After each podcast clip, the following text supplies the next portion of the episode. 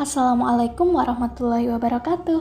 Selamat pagi teman-teman. Gimana nih kabarnya hari ini? Sehat selalu kan ya? Nah, teman-teman, di pertemuan hari ini kita akan membahas suatu topik mengenai pengertian sejarah, kemudian unsur sejarah, dan cara berpikir kronologis, diakronik, serta sinkronik gitu ya teman-teman. Pertama-tama kita akan belajar guna belajar sejarah itu apa sih kayak gitu. Teman-teman mungkin bertanya-tanya, gunanya apa ya kak belajar sejarah? Sejarah kan buang-buang waktu, cuma inget-inget masa lalu aja nih sedih keinget mantan gitu. Padahal teman-teman, kalau nggak guna kan ngapain dipelajari gitu ya. Jadi kita harus tahu guna belajar sejarah itu apa sih. Dalam kehidupan kita, nggak akan lepas dari masa lalu ya teman-teman Masa lalu itu tidak hanya penting bagi teman-teman aja secara individu, tetapi juga penting dalam proses pembentukan suatu bangsa, teman-teman. Kita ambil contoh kemerdekaan Indonesia. Kan berasal dari jerih payah para pahlawan begitu ya. Nah, kita bisa menjadikan pahlawan ini sebagai teladan, teman-teman. Kita ambil pelajaran dari perjuangan para pahlawan untuk diaplikasikan di kehidupan sehari-hari kita supaya bisa menjadi pribadi yang lebih baik seperti itu. Begitu juga dengan peristiwa sejarah yang lain, bisa kita ambil pelajaran dan juga bisa kita aplikasikan dalam kehidupan di masa sekarang dan masa yang akan datang. Jadi kita bisa mempelajari sesuatu dari apa yang telah kita kerjakan dan kita lihat sebelumnya. Maka dari itu kita wajib belajar sejarah gitu ya teman-teman. Kita lanjut membahas mengenai pengertian sejarah, teman-teman. Dari bahasa Arab, sejarah itu berarti syajaratun, yang berarti pohon yang diibaratkan dengan silsilah para raja. Nah, syajaratun ini kemudian diserap ke dalam bahasa Melayu menjadi syajarah dan dalam bahasa Indonesia kita biasa menyebut dengan sejarah gitu ya teman-teman. Nah dalam bahasa Inggris Sejarah ini disebut dengan histori, berasal dari bahasa Yunani historia yang berarti informasi atau pencarian. Nah, sejarah menurut Ibnu Khaldun, teman-teman, berarti catatan mengenai manusia dan peradabannya, termasuk peristiwa yang terjadi dan kenapa sih peristiwa tersebut bisa terjadi gitu.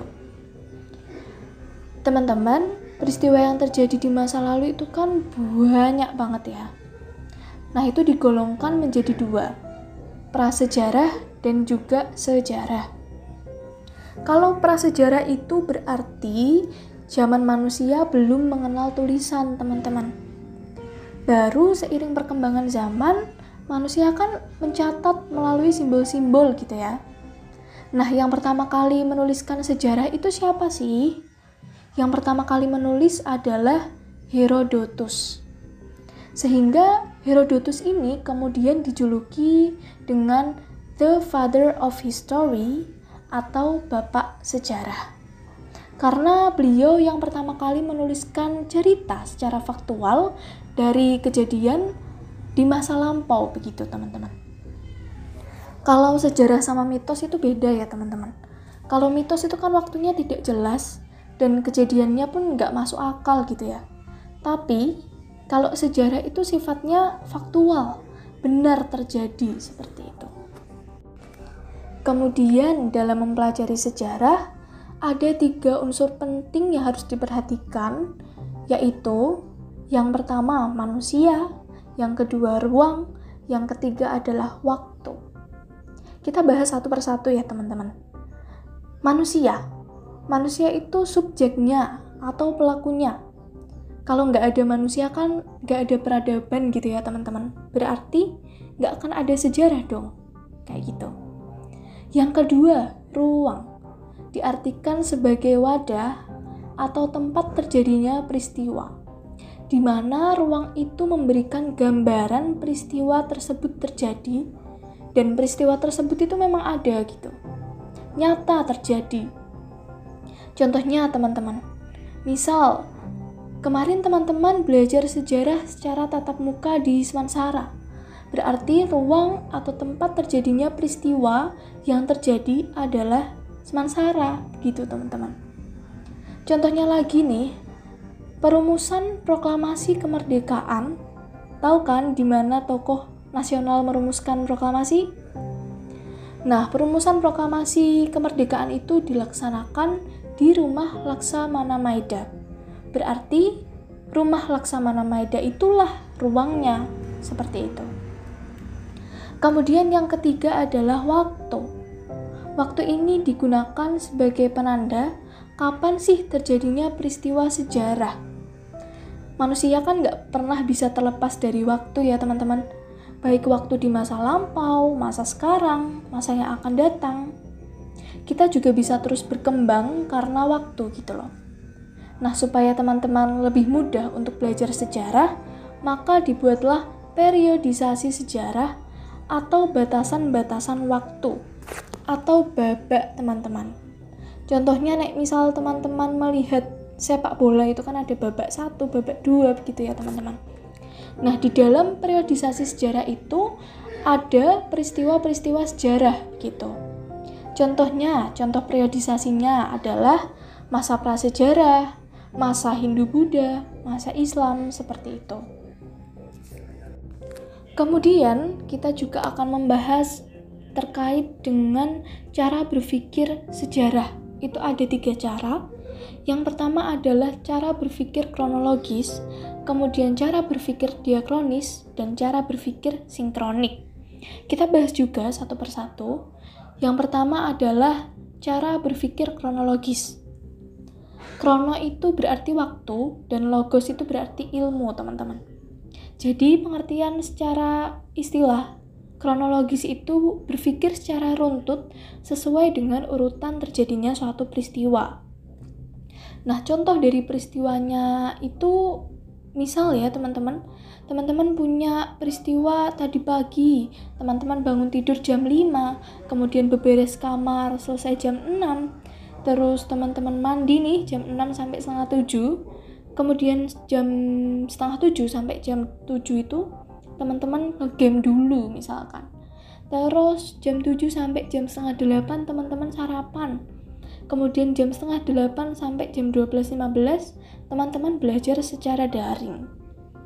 Nah, cerita teman-teman tersebut dipaparkan secara kronologis, dalam artian enggak dibolak-balik urutan kejadiannya gitu ya teman-teman. Gunanya apa sih kita berpikir secara kronologis? Ya supaya kita ini lebih mudah untuk merekonstruksi suatu peristiwa di masa lalu.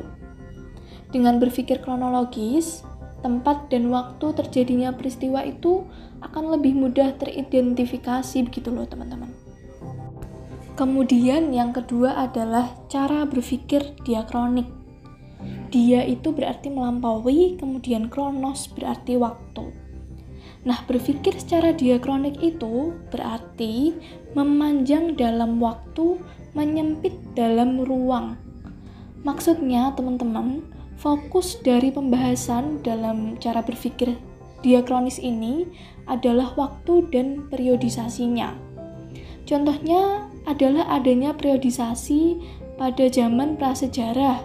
Itu terjadi sebelum abad keempat Masehi. Kemudian zaman Hindu-Buddha itu terjadi pada abad ke-4 sampai 15 Masehi. Masa Islam mulai abad ke-7 sampai 16 Masehi. Berarti kan ada batasan-batasan waktunya gitu loh teman-teman. Contohnya di masa Islam itu kan mulai abad ke-7 sampai diakhiri pada abad ke-16. Itu kan termasuk batasan waktu seperti itu. Kemudian yang ketiga adalah cara berpikir sinkronik. Sejarah itu tidak bisa terlepas dari waktu ya teman-teman.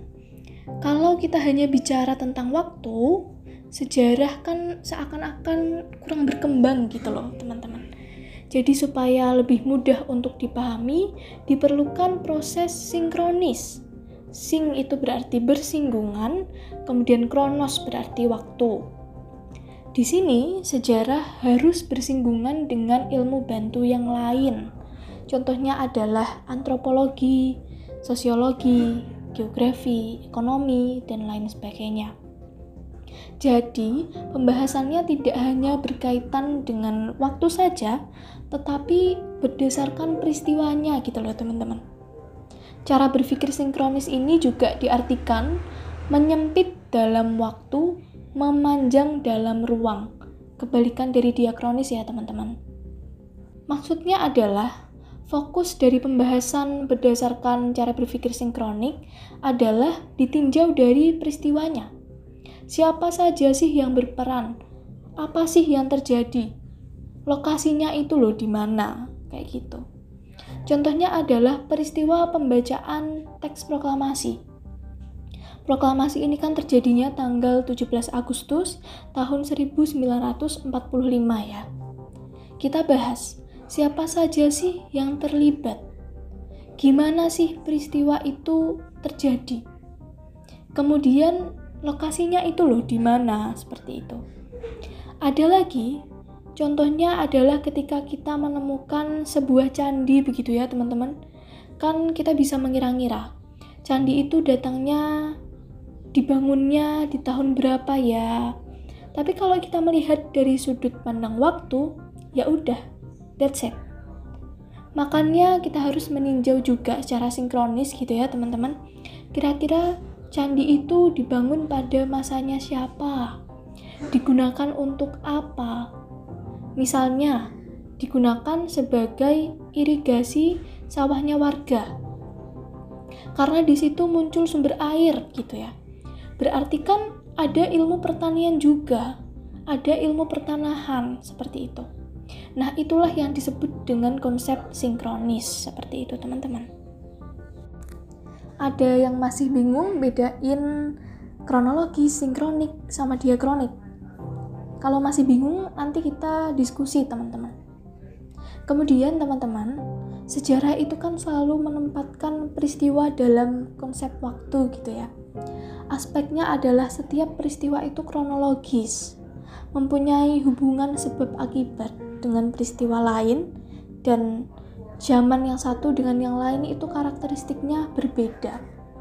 Jadi ketiga hal tersebut bisa menjadi landasan utama dalam berpikir sejarah seperti itu. Sampai sini bisa dipahami ya teman-teman. Jangan lupa kita habis ini akan diskusi bersama-sama. Kita akan bahas lebih lanjut gimana sih konsep berpikir secara kronologis, diakronis, sinkronis, dan kita akan bahas hal-hal yang lain juga jadi stay tune, kita akan diskusi bareng-bareng. Silahkan untuk membuka channel diskusi. Wassalamualaikum warahmatullahi wabarakatuh.